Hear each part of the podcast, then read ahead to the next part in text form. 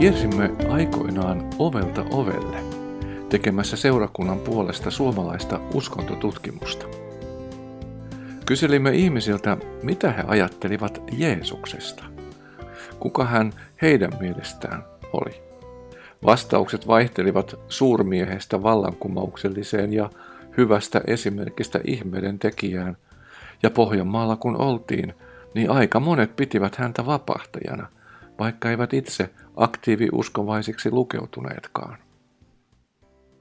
Kun Jeesus ilmestyi oppilailleen ylösnousemuksen jälkeen suljettujen ovien läpi, hän yritti rauhoitella pelästyneitä miehiä ja naisia.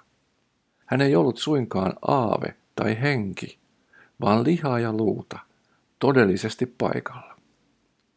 Evankelista Luukas kirjoittaa näin. Jeesus sanoi, katsokaa minun käsiäni ja jalkojani. Minä tässä olen, ei kukaan muu. Koskettakaa minua, nähkää itse.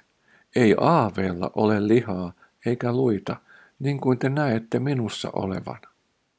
Näin puhuessaan hän näytti heille kätensä ja jalkansa. Miksi Jeesus toimi näin? Miksi ei hän näyttänyt heille yksinkertaisesti kasvojaan?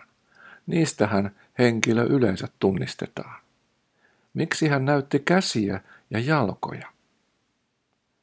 Siksi, että Jeesuksen jaloissa ja käsissä oli naulojen jäljet.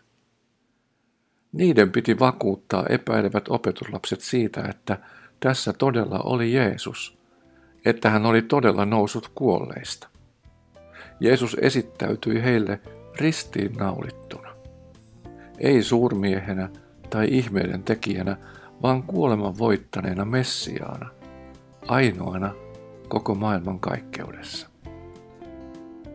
Jeesus esittäytyy tänäänkin jokaiselle etsivälle ihmiselle nimenomaan meidän edestämme kuolleena, ristiinnaulittuna vapahtajana.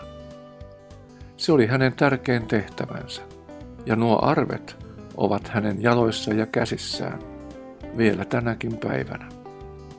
Niistä mekin hänet tunnistamme.